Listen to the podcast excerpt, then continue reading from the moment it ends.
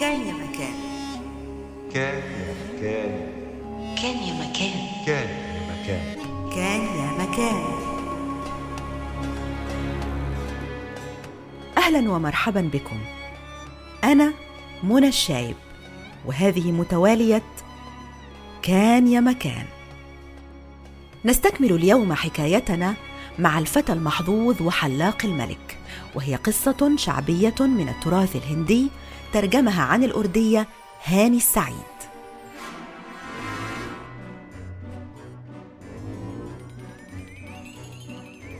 انتهينا في المرة الماضية مع الحلاق الماكر الذي أخذ يوسوس للملك بضرورة عمل اختبارات لوزيره تبرهن على أحقية ولايته للمنصب، وأن إحضاره شجرة الألماس ليس بالشيء العظيم.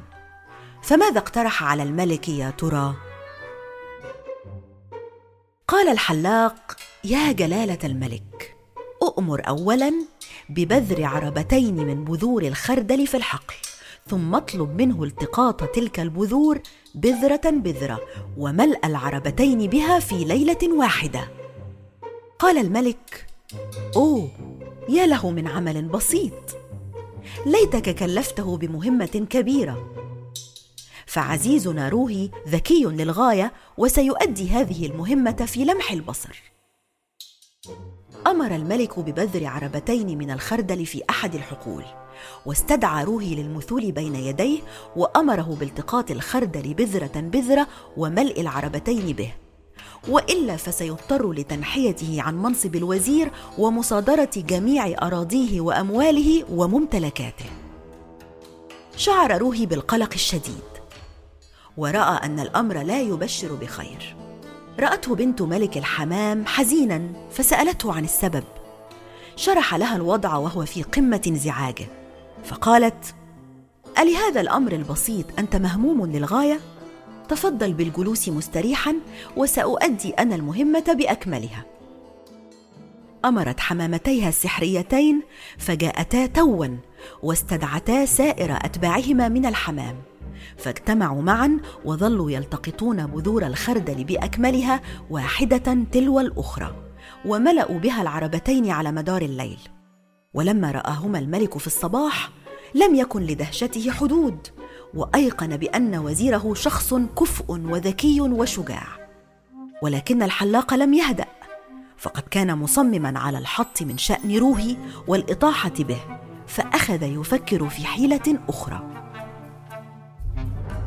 وفي أحد الأيام أوغر صدر الملك مجددا على روحي قائلا مثل هذا الوزير ذكي بالاسم فقط. أما ذكاؤه الحقيقي فلا يمكن التأكد منه إلا إذا حفر عزيزكم روحي بركتين كبيرتين خلال ليلة واحدة. فقال الملك للحلاق إن الذي استطاع الإتيان بشجرة الألماس والتقاط بذور الخردل بذرة بذرة وملا عربتين بها في ليلة واحدة لا تعد هذه المهمة بالنسبة له أن تكون لعبة أطفال. اعلم أن عزيزنا روحي ليس هينا وسوف ينجز هذا العمل أيضا لإرضائك.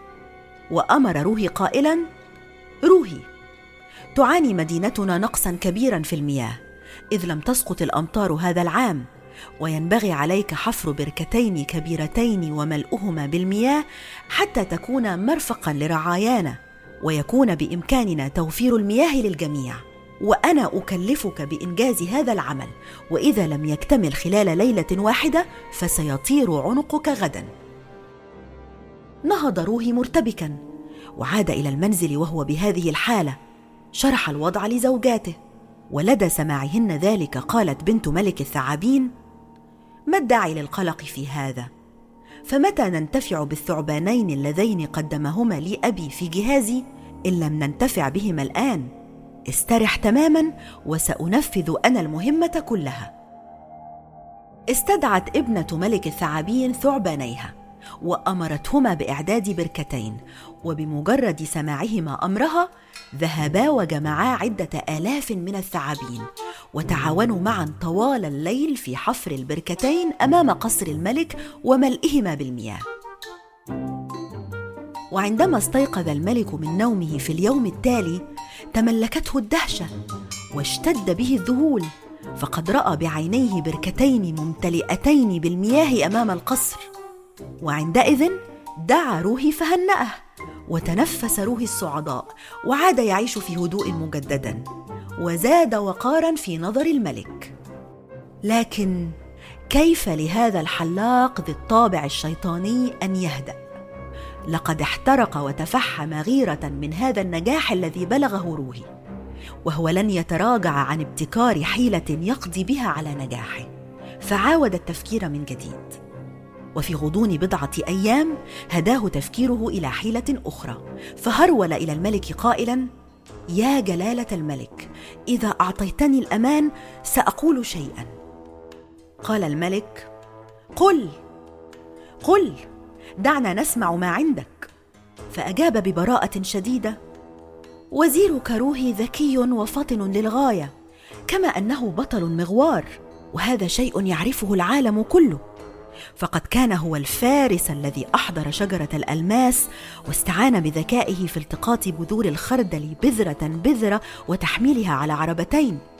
وذلك الرجل المكافح لم يحفر بركة واحدة بل اثنتين بين عشية وضحاها وملأهما بالماء. لكنني لن أجزم بشجاعة وزيركم المبجل إلا إذا ذهب إلى الجنة وأحضر بصمة والدكم. فإذا أدى هذه المهمة على أكمل وجه سأعتبره حينها فقط جديرا بهذا المنصب يا جلالة الملك.